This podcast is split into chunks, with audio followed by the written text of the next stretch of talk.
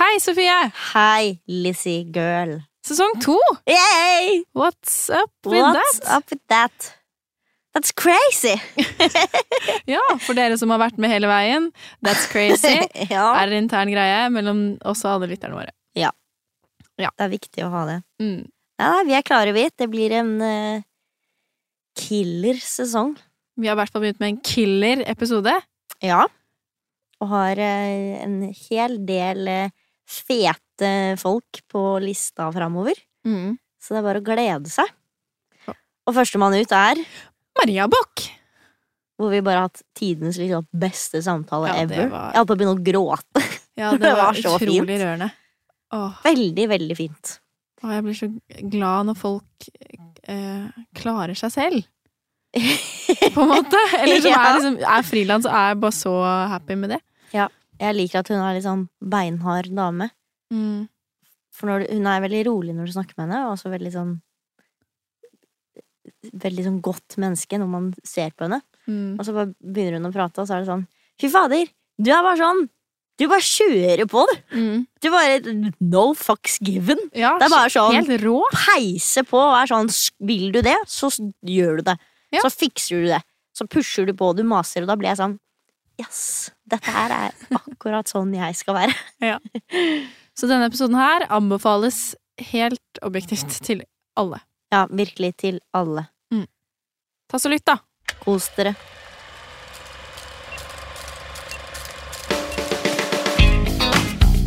Hei! Brekk et bein! Hei! Brekk et bein! Hei! Hei. Vil du begynne med å si hva du heter? Ja, jeg heter Maria Bock. Hva er din arbeidssituasjon? Jeg er frilanser. Ja. Mm. Men er du, har du noe sted du jobber akkurat nå? Som frilanser, liksom? Uh, ja, altså jeg har eh, Altså tenker du på forskjellige jobber, da? Eh, Ja, eller om du gjør noe Eller hva gjør du? Eh, Hva, hva gjør jeg? Um, eh, akkurat nå så er jeg med i en TV-serie. Ja. Uh, og så eh, leser jeg inn lydbok. Ja. Spennende. Mhm. Og så jobber jeg faktisk litt også som en type konsulentaktig greie i forhold til eh, likestilling og mangfold i kulturen. Ja. Ja. Mm. Og så holder jeg på med en TV-serie også som jeg driver på å utvikle. Um, ja, så det, og, så, skriver jeg på noe som kanskje blir ei bok. Vet ikke. ja, så spennende. Ja. Mange ting. Mye, mange ting mye å gjøre. Ja, det er bra. Ja. Har du eh, en person som du finner inspirasjon fra? Eller som fikk deg til å begynne med skuespillerier? Eller en skuespiller du ser opp til, eller ja, å ja, det er jo masse skuespillere jeg syns er utrolig flinke eh, og dyktige. Meryl Streep, for eksempel, en sånn en. mm. Hun er helt rå i den siste Big Little Lies-sesongen, nummer to. Det er, jeg syns den rollen er så vanskelig, for det er sånn Jeg liker jo li, Altså, dama er likenes, men samtidig så er hun så utrolig fæl. Mm. Så man blir sånn «Ah, Jeg har sånn hat-elsk-forhold til deg. Mm. Utrolig godt spilt. Ja. Ja. Ja, og det er jo det som er litt sånn poenget, eh, egentlig, tenker jeg som Mm. skuespiller, at det, det er liksom ansvaret vårt å eh, forsvare en karakter som kanskje gjør noe usympatisk så godt som mulig. Mm, Sånn at publikum blir nødt til å like i hvert fall noen ting ved den. mm. Derfor så syns jeg det er helt fantastisk. Ja. Mm. Og så har vi gøy spørsmål som er eh, improvisert. Hm. Hva lurer du på i dag? Hva lurer vi på i dag? Jeg lurer på hva er ditt, eh, hva er ditt favorittord på din dialekt? Som er sånn dialektord. Sånn eh, dialektord eh, Ok, altså, kanskje ikke favoritter, Men eh, finnmarksdialekt er jo ganske sånn eh, østnorsk, egentlig. Ja. Altså veldig Mm. mye sånn bokmålsord og sånn. Vi sier jo fisk, selv om alle vil at vi skal se, si fisk, så er det fisk vi sier. Vi sier ikke, og vi ser Men har dere noen sånn veldig dialektord? Sånn noen, liksom? Nei. Nei. Kommer ikke på noe. Jeg får bare lyst til å si masse barnskap, liksom. Ja, da skal du, da skal du få slippe å si det. Vi har sensur Nei, vi har ikke Nei, det. vi har ikke det. Glemmer meg litt av og til, jeg òg. Det gjør vi alle. Ja. Ok. Eh, Da går vi over til eh, litt sånn dypdykk-del. Ja. Eh, Har du lyst til å fortelle om egentlig nesten hele reisen din fra du skjønte at du skulle bli skuespiller, til der hvor du er i dag? Wow. Det, ja, det gjør jeg jo selvfølgelig gjerne, for jeg elsker jo å snakke om meg sjøl. sånn som alle andre. Ja.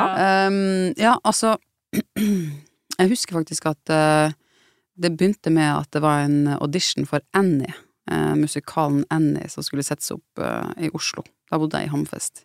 Da gikk jeg i femte klasse.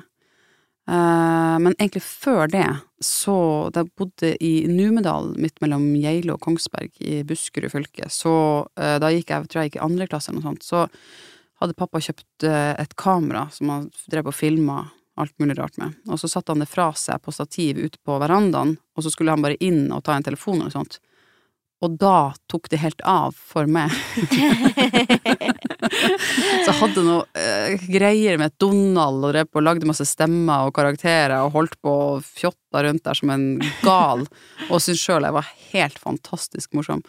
Eh, og når han kom ut sånn, så liksom uh, bare gleder jeg meg til at han skulle sette seg ned og se på den filmen og liksom se alt det morsomme jeg gjorde da.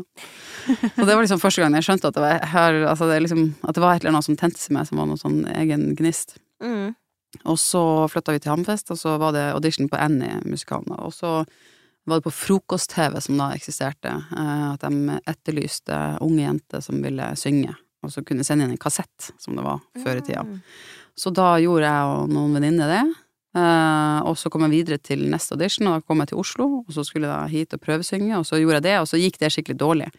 Men da var det et eller annet i meg som um, jeg ble tent, da, og så eh, Fra da av så hadde jeg en sånn drøm om at jeg var gravid.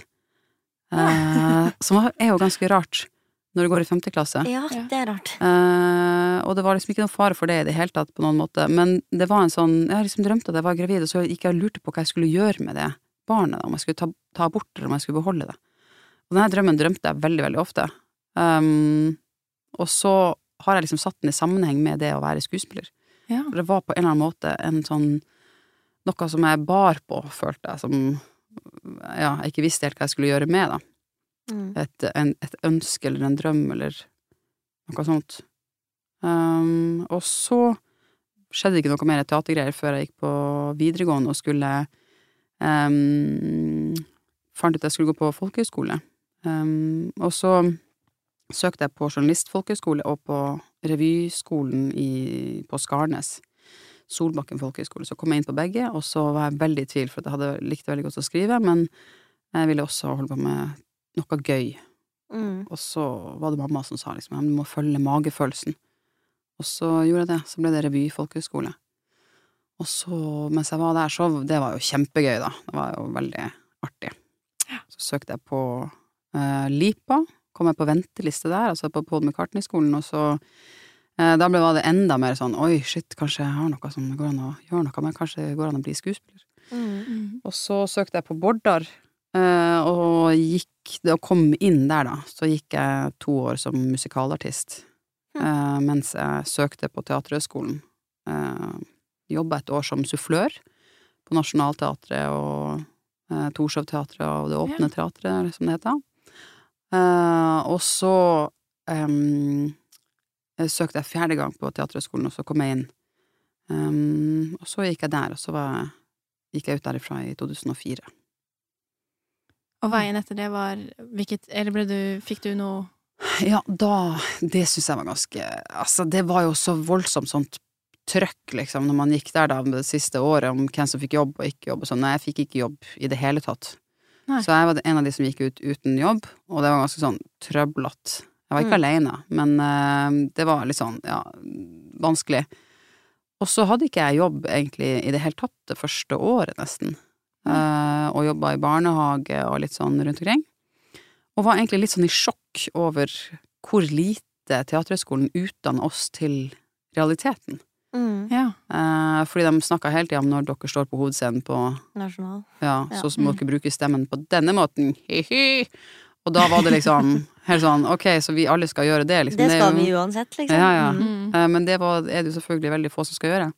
Mens de veldig, veldig mange skal lage sine egne prosjekter, for eksempel. Mm. Mm. Og følge sine egne veier, og, og bli skuespiller på sine egne premisser. Mm. Og være karakterer som man Ja, jeg vet ikke. Som bare du kan være, da. Mm. Ehm, så det var liksom det første året, og så fikk jeg jobb på Hålogaland teater. Uh, og så var jeg der i nesten to år. Ja. Og så flytta jeg til Oslo, og da hadde jeg ikke noe jobb eller noe sånt. Uh, for det ble slutt med en fyr som eh, Helt ubetydelig type som jeg fikk kjærlighetssorg Jeg husker ikke hva han het. Det er ikke Men jeg måtte i hvert fall bort fra Tromsø før han ble værende der. Ja. Og så, så da hadde jeg ikke noe Da kjøpte jeg ei leilighet, man var på topp i boligmarkedet, så det var den absolutt dyreste leiligheten. Den absolutt dårligste leiligheten du kunne finne på hele Tøyen. Den hadde ikke bad, og eh, hadde kjøkken med kaldt vann. Ja. Ja. Eh, Så der satt jeg et år med kjærlighetssorg, eh, uten bad og kjøkken, og hadde ikke noe jobb. Og det tror jeg tok liksom nesten et år, altså. Men jeg hadde noen sparepenger etter et oppgjør av denne leiligheten som jeg levde på det året der. Og spiste sånn eh, most hermetikk som jeg varma opp i en kasserolle. Eh, ganske stusslig. Men det har de meg, og gjorde at jeg klatra oppover. Nei da, det er bare tull. Man blir ikke hard, man blir bare svak og liten. Så ikke gjør det. Ikke gjør det. Ikke få kjærlighetssorg. Ikke kjøp leilighet på toppen av boligmarkedet. Nei. Um, nei, og så um, Men så begynte det liksom å rulle etter det, da. Jeg gjorde noen sånn ganske sånn drastiske tiltak. Jeg gikk eh, på Nationaltheatret og kom meg inn helt utafor uh, teatersjef sitt kontor og satt på en stol utafor der rett før jul en gang og lagde en sånn ballongdekorasjon og delte ut klementiner mens jeg sa til alle som gikk forbi 'Jeg har veldig lyst til å jobbe her'. Veldig lyst til å jobbe her. Fikk masse oppmerksomhet fordi folk syntes at det var veldig søtt og morsomt. Ja. Eh, og så la jeg inn sånn tre Post-It-lapper på pulten til Eirik Stube, som var sjef da, så jeg skrev sånn Jeg vil gjerne jobbe her. Eller det var kanskje et par flere, kanskje fem.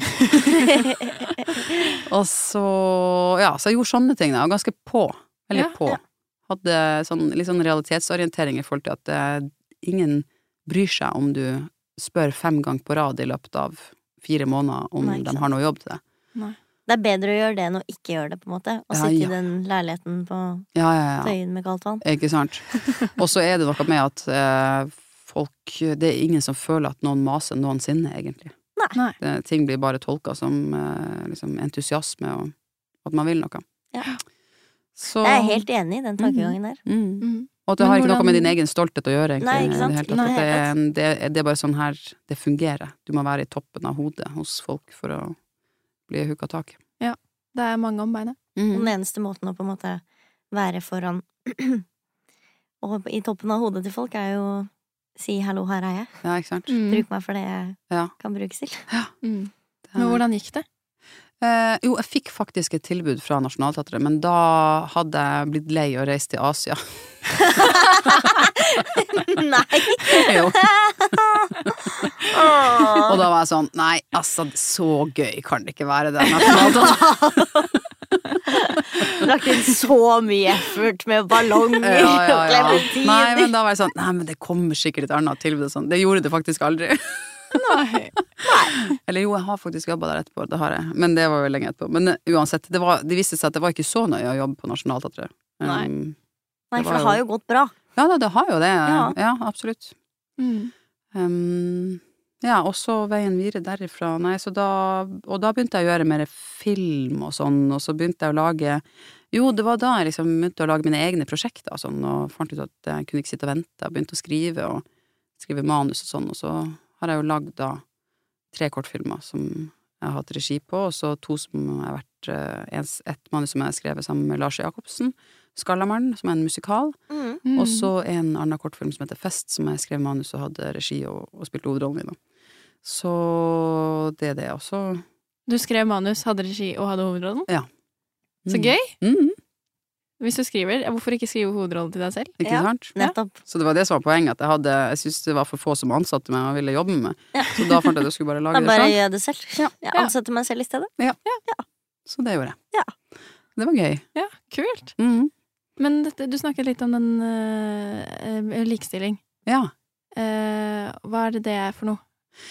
Ehm, nei, altså jeg har jo alltid vært engasjert i forhold til likestilling og mangfold i kulturen, og særlig innenfor film og TV og sånn. Um, og så har jeg jo Så jeg har jo skrevet en del sånn i aviser og uttalt meg her og der og sånn. Uh, det er jo én ting. Og så jobber jeg i noe som heter Talent Norge, med et uh, tiltak altså for likestilling innen kultur. Der Ja. jeg leder noe som heter Kvinnesatsinga. Det gjorde jeg frem til 1. juli nå i år. Og så nå er jeg litt mer sånn frilanskonsulentaktig, rådgiveraktig greier. Ja. ja. Det er ikke noe som Det er ikke noe som er offentlig, på en måte, enda. Nei. Nei. Og kanskje det ikke blir det heller. Men jeg er nå er nå der og holder på. Men det er viktig Ja. å få flere kvinner inn i Ikke sant? Det og få dem til å bli også, i denne Ja. bransjen. Ja. Mhm. Mm. det, er det. For da jobber dere liksom med alle i hele bransjen, ikke bare Ja, i Talent Norge så var det for hele kulturfeltet, Mm. men da gikk vi inn i én sjanger, som da var film- og TV-bransjen, og så lagde vi et, et opplegg som var for tolv kvinnelige filmskapere, produsenter og regissører, som da um, Vi hadde et program der de ble løfta frem, både fikk stipend for å jobbe og fikk mentorer og fikk coaching og uh, fikk møter med viktige premissleverandører i bransjen som ja, fikk arenaer, altså Berlinale for eksempel, og eh, selge seg sjøl på og sånn, og pitche prosjektene sine. Og, så det var veldig kult, altså. De jo, har virkelig gjort det kjempebra, mange, eller alle sammen, og de er superflinke. Så Mm. det kommer til å bære frukter, helt sikkert, av de tingene de holder på med. Så bra. Mm. Vi trenger eh, flere flinke damer. Ja. Ja. Altså, flinke damer er det jo faktisk nok av, men at de, eh, at de får jobber, Ja. det er liksom det som er der det, det, det står og faller på. Mhm. Mm. Mm. Det er bra at noen tar, tar tak i det. Ja da. Eh, Jeg syns jo ikke akkurat Altså, jeg kan ikke si at jeg syns at det er så veldig gøy. Og det er vel kanskje noe som jeg har blitt mer og mer bevisst på. At det å liksom stå på barrikadene og kjempe på vegne av kjønnet, Ja. er jo ikke spesielt gøy. Nei. Nei. Altså, hvis jeg kunne velge, så ville jeg jo valgt det langt bort. Ja. Men det er liksom det engasjementet som er både en sånn her eh, En gave og en byrde. Ja. Ja. Som er liksom Åh, skulle ønske jeg bare hadde øynene lukka litt lenger når jeg ikke så all skjevhet og urettferdighet. Ja. Um, men samtidig så er det jo fantastisk å være med på å løfte noen, uh, og det har vært veldig givende, det altså. Mm. Men hvis jeg bare kunne gjøre det som, jeg, uh, som gjør meg glad, så skulle jeg bare vært uh, skuespiller og lagd ting. Ja. Mhm. Mm. Men det er sikkert veldig mange som setter pris på at du har tatt det ansvaret, da.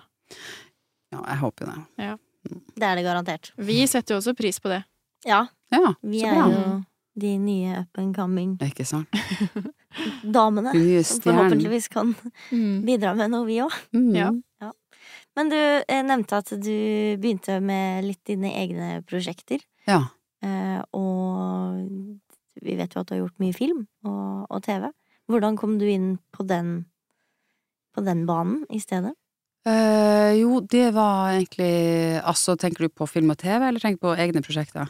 Begge deler. Du Ja. kan få begynne med egne Ja, prosjekter. eh, nei, det var egentlig en film som heter Sommerhuset, en novellefilm som Ole Gjæver hadde manus og regi på, Mm. som jeg spilte hovedrollen i, som um, jeg ble nominert til Amanda for. Det var liksom den første jeg gjorde av film, eh, av, av større ting, da. Um, og det var i 2008, så det er jo lenge siden. Og da, i samme året, så ble jeg liksom veldig sånn inspirert av det med film og TV, da, og hadde lyst til å lage egne ting. Så da begynte jeg bare å skrive, rett og slett. Altså på grunn av at jeg ville være skuespiller i film, og Mhm. jeg syntes at det var for få da som ansatte meg, så skrev jeg mine egne greier. Ja. Um, og så har balla det jo litt på seg etter hvert der med det, og så Og det var liksom morsomt, for når jeg tenkte Når jeg ble nominert til Amanda med den Sommerhuset, så tenkte jeg sånn Nå, nå, folkens, nå bare Nå kommer, kommer det til å renne inn. Yes! Det gjorde det ikke. Nei.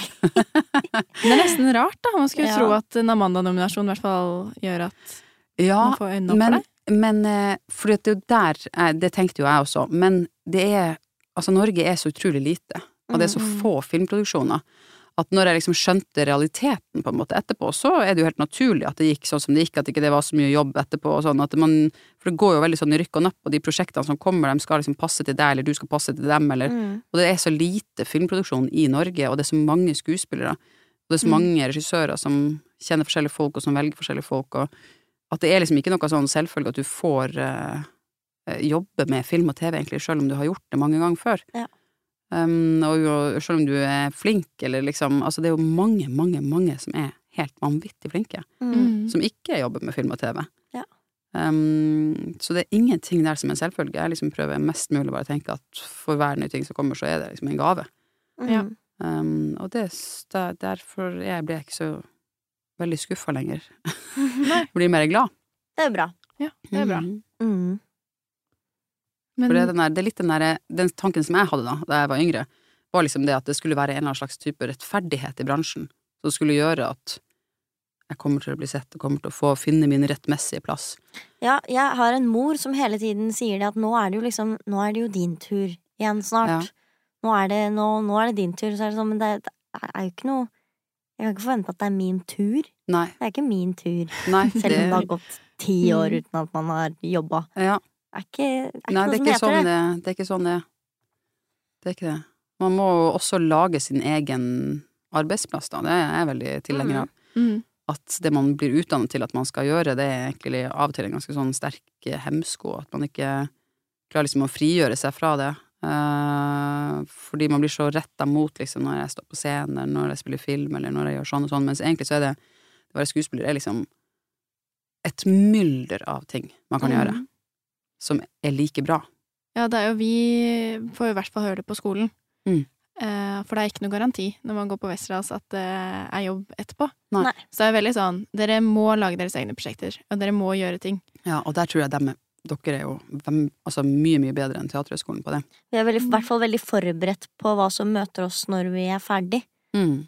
For det er ingen som sier til oss at når dere står på hovedscenen på Nationaltheatret, så skal dere snakke sånn og sånn og sånn. Mm. De bruker det kanskje som et eksempel på at på en scene som på Nationaltheatret, så må du bruke denne type stemmen for Mm. å nå ut til alle. Mm. Og skal du kunne stå der, så må du sånn og sånn og sånn og sånn. Mm. Så vi er nok kanskje mer eh, forberedt på hva Ja. som eh, Hva vi har i vente, og Mm. at vi må legge inn veldig mye innsats i de tre årene vi går der for å bli sett.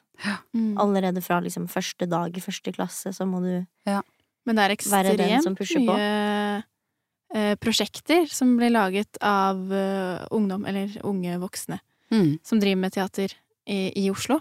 Mm. Og vi finner hverandre med en gang, liksom. Og jobber på kryss og tvers. Og Mm. det er jo, man har jo antiteater, for eksempel, og frigrupper, da. Mm. Som er helt uavhengig av eh, teater, eh, altså teaterhus. Mm. Men som bare Nei, nå setter vi opp forestilling der, eller nå setter vi forestilling der, og og det syns jeg er kjempekult, for det er, ok, så har man kanskje ikke fast jobb, da, et sted, eller en kontrakt på et eller annet teater, men det finnes jo massevis av grupper som man kan samarbeide med når man er ferdig. Og da kan du få gjøre akkurat det du har lyst til å gjøre selv også. For det er jo kanskje ulempen med å få en ansettelse på et teater. Er at du må på en måte bare gjøre det du får beskjed om å gjøre. Mm. Du kan ikke gjøre akkurat det du vil selv. Ja. Den friheten har man hvis man lager det selv, da, kanskje. Ja. Mm. Og det er jo Altså, jeg har jo aldri vært fast på et teater. Jeg har vært eh, ett og to, altså nesten to år i Tromsø. Men ellers så har jeg jo vært på stykkekontrakter rundt her og der Altså, når jeg Altså, jeg tror nok aldri at jeg kommer til å ville ønske å bli fast ansatt en plass. Eh, det er jo en veldig Altså, jeg tror det er jo en veldig stor trygghet, og jeg tror det er en fantastisk ting å være fast ansatt på et teater i Oslo, for eksempel, eller hvor som Mm. helst, egentlig, men, men det er bare det at når du først har begynt å smake på den friheten, og den gleden av å lage sine egne ting, så er det nesten helt umulig å gå tilbake igjen, altså. Mm. Det er liksom som, vil du ha den røde eller den blå pillen i Matrix? Ja, Har dere sett den filmen? Dere er jo Ja. veldig unge. jo, Men ja. Ja den er sånn, det er sånn følelse. Mm. Mm. Ja, jeg gleder meg til å bli frilans. Mm. Jeg er sånn Det var noen som spurte meg forleden dag skal du søke Teaterhøgskolen. Jeg var sånn nei, nei. Neste år er jeg ferdig, og da, da begynner livet. Ja. Ja. Jeg, Jeg er ikke redd i det hele tatt. etter. Hæ, hva sa du? Nei, man skal vel ikke gå teaterskolen etter uh, Westerdals? Det er jo en del som gjør det, altså. Ja, det? Og det er en del som søker mens de går på Westerdals. Hmm. Mm. Men vi fikk jo beskjed av uh, instituttleder nå at hvis dere vil gå på KIO, så må dere droppe ut av Vestras. Fordi KIO kommer aldri til å ta inn en Vestras-elev. De Det kommer tror For det er jo det, det å stjele hverandres eh, studenter, og det Nei, Men, jo, det men så tror jeg mente ikke. han nok også litt sånn at eh, man kan fint søke KIO når du går i første klasse, men når du da går i andre klasse og har kommet deg så langt i studieløpet at om du da kommer inn på KIO, så skal du begynne i første klasse når du egentlig skulle ha begynt på ditt siste år i bacheloren, Mm. så er det litt sånn Ja. Kanskje litt bortkasta tid, Mm. både for deg, men også for KIO, hvor det er sånn vi lærer jo veldig mye av det samme, og Mm. har veldig ofte de samme lærerne Mm. som Mm. de har der, så er det bare sånn Nå skal du bare gjøre alt sammen en gang til, du, da. Hvis Ja, du egentlig ja, kunne sånn vært ferdig. Ja. Ja. Ja, sånn, ja. Ja, Jeg skjønner. Det er liksom det er ikke, Og det er jo eh, Han anbefaler også at vi ikke går enda et nytt løp, et bachelorløp, etter vi har tatt bachelor. Ja. Mm. Så ikke heller master, Ta heller master på KIO. Mm. eh, hvis man vil det. Ja, det høres fornuftig ut. Men eh, jeg syns det, jeg syns det virker spennende, jeg, å lage selv. Mm. Men når du Det- lager eh, stykker selv Eller lager du, du lager, Har du laget film og teater? Ja, altså, jeg har, jeg har I forhold til liksom å skrive og sånn, så har jeg skrevet sånn en del humor for eh, radio, altså for NRK, for Nitimen og Reiseradioen og sånn. Eh, og så har jeg um, skrevet de her film, kortfilmmanusene, og så har jeg et spillefilmmanus som jeg har i, som har vært under utvikling og vært i noe som heter Filmlab. Um, som er en musikal som jeg liksom har holdt på med i mange år, som jeg ikke vet hva blir av. og så har jeg da um, det her em, manuset som på en måte Som først var under Dramatikkens hus, jeg fikk noe peng, altså penger derifra for å skrive videre på det. eh, som skulle bli et teaterstykke, og som er skrevet som det, men som nok kanskje ligner mer på ei bok etter hvert. Ja. Og så har jeg begynt på noe som ser ganske ut som ei bok, men som kanskje kan settes sammen med det som ser ut som et teaterstykke.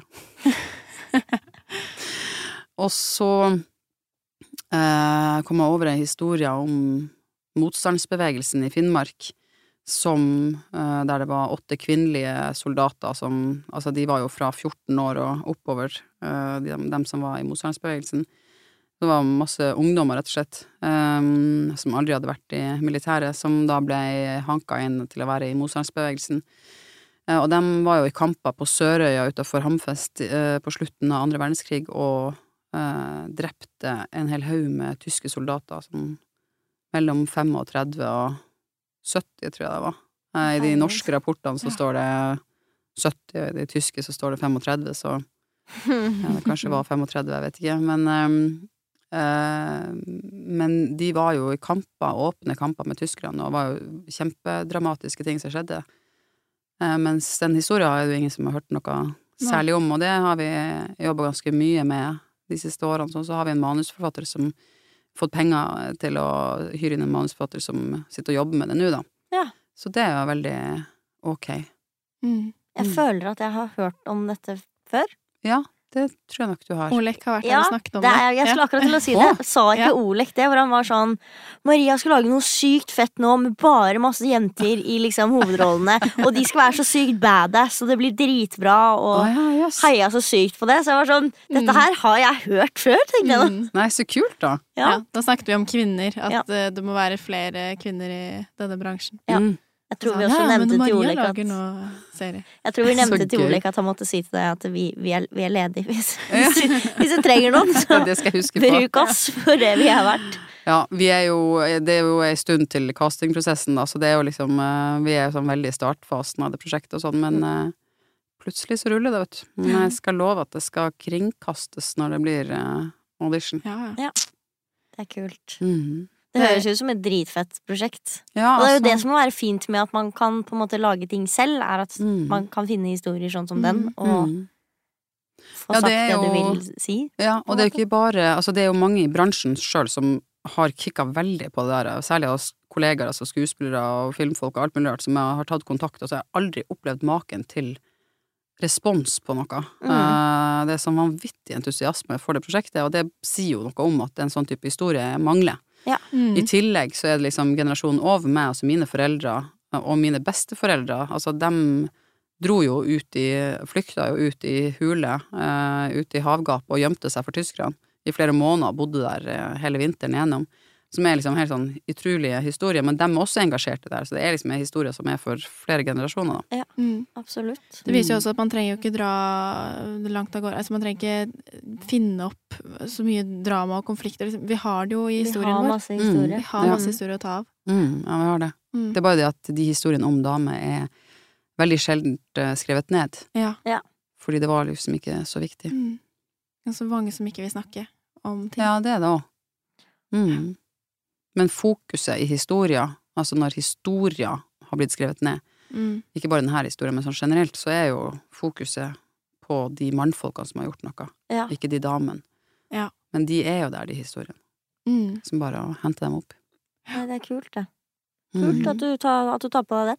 Ja, ja og det, det er energigivende, altså virkelig. Det, Mm. sånn, det prosjektet der er bare virkelig sånn fantastisk. Men om dette eh, ruller og går, noe jeg regner med at det kommer til å eh, gjøre, hva, hva, hva skal du gjøre selv? For du skriver eh, Ja, jeg skal være med å utvikle det. Ja. Um, og så vil jeg gjerne ha regi. mm, Mm. Men um, altså der er jeg litt sånn der uh, Jeg er åpen. Jeg er ikke sånn at jeg skal ha regi, Uh, punktum. mm, Selv om jeg, på en måte så burde jeg kanskje være det. Uh, men jeg er jo veldig sånn Jeg vet jo at det å ha gjort tre kortfilmer Ikke alltid at liksom en TV-kanal da tenker sånn Yes, dette mennesket kan vi stole på, har erfaring nok til å bære hele det her Ja. regimet si. Så det går jo an å koble seg sammen med noen, eller Ja. mm, Men jeg skal i hvert fall være hands on, som jeg kaller det. Ja. Ja. Men når det er din historie, så er det jo viktig å finne en regissør som eh, behandler den med respekt, og som Ja. skjønner din visjon òg. Ja, og det må jeg bare si at det er jo Det er jo ei historie som eh, som jeg ikke gjør alene, da, men sammen med Matti Ståhl Mathisen i Rein Film, de som har produsert Monster, som gikk på NRK, Mm. Ja. eh, og Ken Arne Brox, som er fra Sørøya, som er med på å utvikle det her, da. Mhm. Kult. Mm -hmm. kult. Men du har jo gjort eh, Jeg har bare veldig lyst til å spørre om, eh, om 22. juli-filmen. Ja. For du jobbet jo med Paul Greengrass og Ja. lagde den. Mm. Hvordan var det? Hele den prosessen? Fra alt fra starten på audition til sluttprodukt. Ja. Ja. Å, jeg kjenner jeg blir sånn emosjonell med en gang. Ja. Um, ja, altså, det var Det er jo en, eh, hva skal jeg si, en emosjonell ting. Mm. den filmen. Uh, Det er jo historier som er helt forferdelig som, for de som opplevde det, og som pårørende, og de som mista livet, og um, Det er liksom Man kommer ikke utenom tyngden uh, og sorgen i det um, når man lager en sånn film, da. Um, og jeg kan jo ikke si at jeg på noen som helst måte var upåvirka sånn som skuespiller eller privat av den prosessen. Det var en veldig vanskelig prosess. Mm. Um, um, ja. Jeg kjenner jo hun som jeg spiller, Kristin Kristoffersen, og jeg vet jo noe om uh, Altså, jeg har sett på avstand hva, hva det har gjort med hun og dem, og det er jo først og fremst der egentlig eh, hjertet mitt ligger, nå. Mm. Ja. Eh, og forståelsen av at jeg aldri kan forstå. Mm. Mm.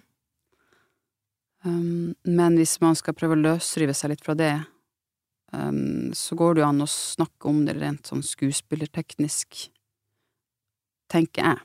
Jeg Ja. prøver nå i hvert fall å gjøre det, av og Mm. til. Og i forhold til uh, prøvefilminga og sånn, så var det et prosjekt som da Ellen Mikkelsen, som hadde castinga, som hun kontakta meg jeg tror det var et par måneder i forveien, før den første prøvefilminga, og sa at hun hadde et prosjekt som var veldig hemmelig, som jeg ikke kunne si noe om. som er jo sånn typisk Jeg hører stemmen til Ellen. ja, ja, det er veldig typisk alle kaster Altså, alle Ja. får jo beskjed om dere må ikke si noe. Ja. Altså, man skal jo aldri si noe noen plass. Det er helt sånn, ja. Jeg er litt Mm. tøyvatt av og til. Men jeg, altså, jeg, nei da, nei da, vi respekterer det. Ja. Um, men i hvert fall så Jeg fikk ikke lese manus, jeg fikk ikke vite hva prosjektet het, jeg fikk ikke vite noe, men jeg kunne komme på prøvefilming. Uh, og så gjorde jeg det, og så hadde jeg fått en sånn liten tekst som jeg skulle lese da på engelsk og på norsk. Og så gjorde jeg det. Så fikk jeg jo vite liksom hvordan historie det var, og så litt mer sånn. Og så ble jeg innkalt eh, etter ganske kort tid til en ny prøvefilming, og det var sammen med Jonas, som da spiller sønnen min. Mm. Um, og så gjorde vi det, og det var jo veldig hyggelig, og uh, hadde god kjemi, og alt var liksom fint. Og så uh, gikk det ikke så lang tid, og så fikk jeg vite at jeg hadde fått den. Men da var jeg opptatt i et teaterstykke på Torshov-teatret, Ja. som jeg da måtte komme meg ut av, som var en egen prosess. Um, ja. Og så var det jo da um, jeg, jeg møtte faktisk ikke Paul Greengrass før vi sto på første opptaksdag, ferdig påkledd med kostyme og sminke, Oi. og det var rett før kameraet skulle gå. I alle dager. Jeg og Torbjørn det- Harr, vi hadde ikke møtt- rart? Ja, vi hadde ikke møtt han før da. Det var første gang vi møtte han. Oi. Det syns jeg var veldig rart. Jeg tror det, har, det er ganske spesielt. Ja, for man pleier jo å ha leseprøver og Ja. få snakket litt med Mm. regissøren. Ja, nei, dette var litt annerledes. Så det var jo litt sånn ehm, Men ga han regi da, liksom? Eller bare var det sånn, ja, bare kjør? Ja, da var det Nei, da var det liksom Da, da var det faktisk sånn at de sa sånn Ja, gjør klart til opptak. Og så var det Torbjørn som sa Nei, det går ikke. Ja, det går ikke. Vi må vite hva vi skal gjøre, og vi må snakke med regissøren. Ja. Og så Å ja, har dere ikke snakka med Nei, vi har ikke det. Å, Vi har nei, ikke hilst på Vi har ikke hilst på ennå. Ja, veldig rart. Ja. Og så eh, kom jo han og hello, ja, han var jo veldig trivelig han. Og så var det liksom rett på opptak. Men det var en scene der det var, vi ble filma bakfra og skulle gå eh, til tinghuset, så det var ikke en veldig Nei. krevende ting da. Nei. Men også fikk vi jo snakke litt mer med han og om prosjektet og sånn, og så når vi gikk på noen ganske krevende eh, scener ute på um, Sundvolden hotell, så var han veldig tilstedeværende og veldig fin å jobbe med. Mm. Mm. Han uh, Altså, det er jo ikke Ja, hva skal jeg si Altså, jeg jeg, jeg, jeg, jeg klarer liksom ikke Eller i hvert fall ikke i begynnelsen av karrieren, så klarte ikke jeg å gi alt jeg hadde til en film, hvis ikke jeg hadde en helt personlig kontakt med regissøren. Mm. Eh, det gjør jeg nå, fordi at jeg vet at alle står for seg sjøl, og her er det bare opp til en sjøl Ja. å peise på Mm. Mm. og gjøre så godt man kan, fordi det er ingen som Altså, du, det blir så bra som du sjøl mener at det skal bli. Uh, så det var en veldig stor del av veldig uh, selvstendig jobbing. Og det å komme frem til et uttrykk som eh, jeg sjøl mener er bra nok, det krever at det, at jeg i en sånn rolle der skal komme frem til å lage et øyeblikk der du tror at du mister barna dine, eh, da måtte jeg liksom ta bort så mange lag av beskyttelse som mulig for å komme frem til en kjerne som var noe Noe som ikke, ikke Ja, så sant er jo ett ord, men en, mer det at det var så, så sårbart eller så hudløst at det levde, Mm. eh, og at jeg kunne gjøre ting liksom ut ifra den hudløsheten, da. Men det er en metodikk som eh, har konsekvenser for Ja. skuespilleren, Ja. både på sett og i etterkant. Så mm, jeg vet jo at eh, jeg var jo ikke den eneste som syntes at den eh, var tung å gjøre, selvfølgelig, men men eh, det er jo et helt spesielt prosjekt, og først og fremst er jeg utrolig glad for at jeg fikk lov til å være med på det, for å fortelle den historien, fordi den historien om høyreekstremisme er så utrolig viktig å fortsette å Mhm. fortelle. Mm. Um, men eh, det var, det var tungt, det var det, som skuespiller. Og jeg brukte vel Heldigvis så hadde jeg kontakt med en mentaltrener som um, som var veldig sånn bevisst på å fortelle meg at ja, men toppidrettsutøvere, de har liksom en forperiode der de forbereder seg, så har de det de faktisk gjør, altså prestasjonen der og da, og så har de ei tid etterpå der de eh, liksom avrunder. Mm.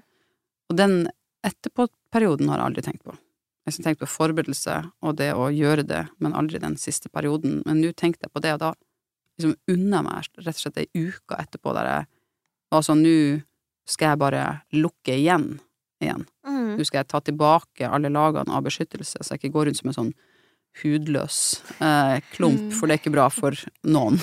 Ingen, ingen rundt deg har det bra, og ikke for meg. Nei. Nei.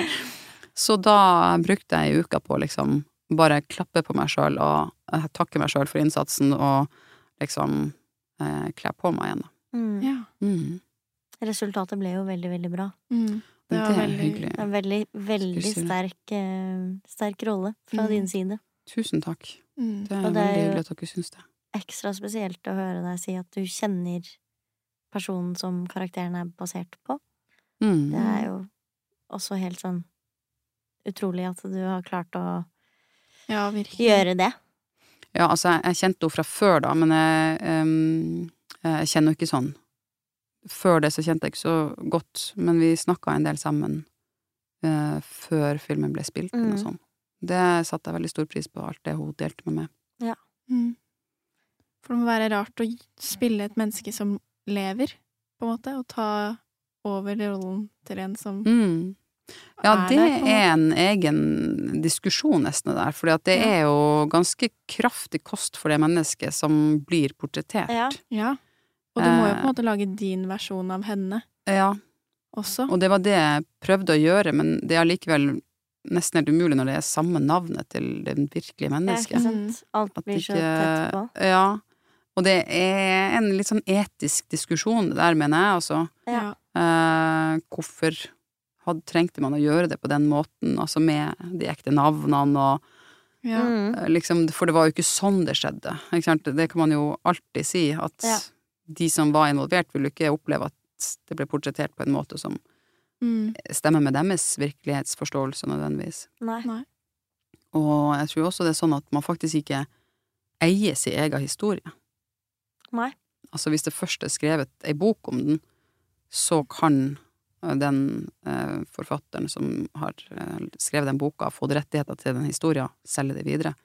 Mm. Uten at de som faktisk lever, trenger å eh, godkjenne det. Mm. Det er ganske heftig. Ja. Ja. Mm. Det er det.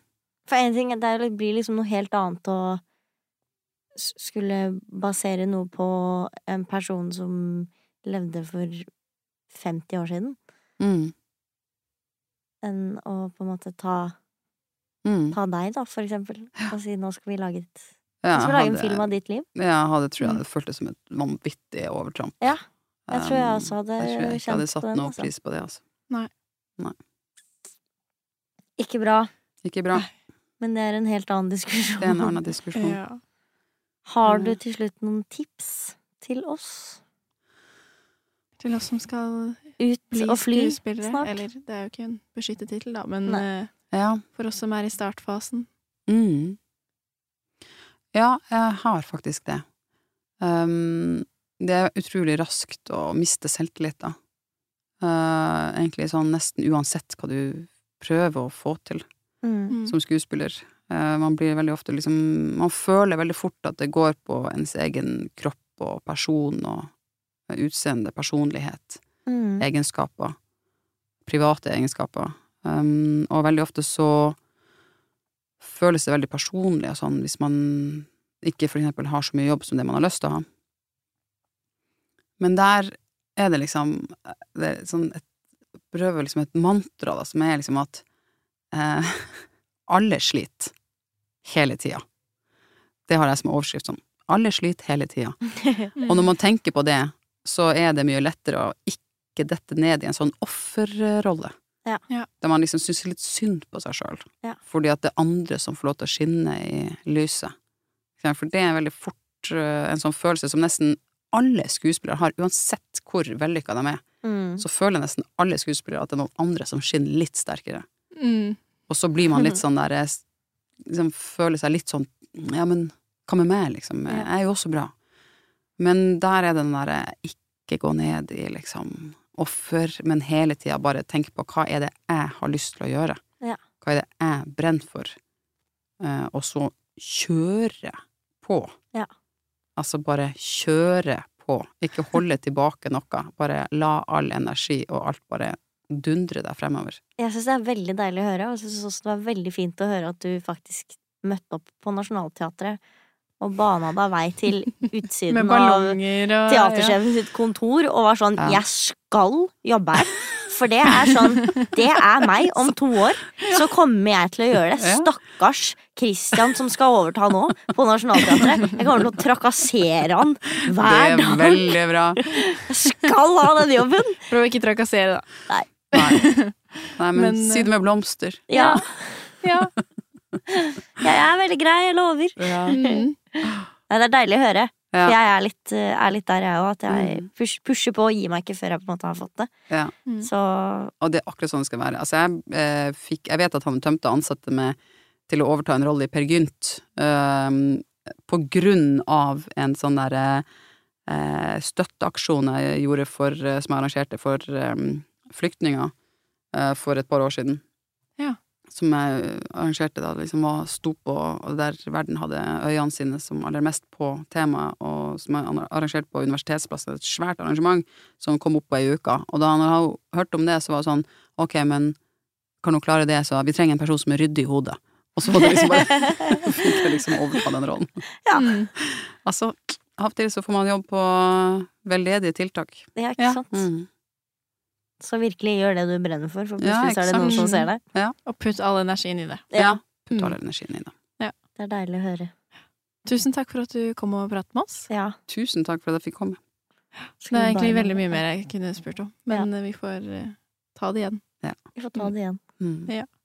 Lykke til! Takk! Ja, takk!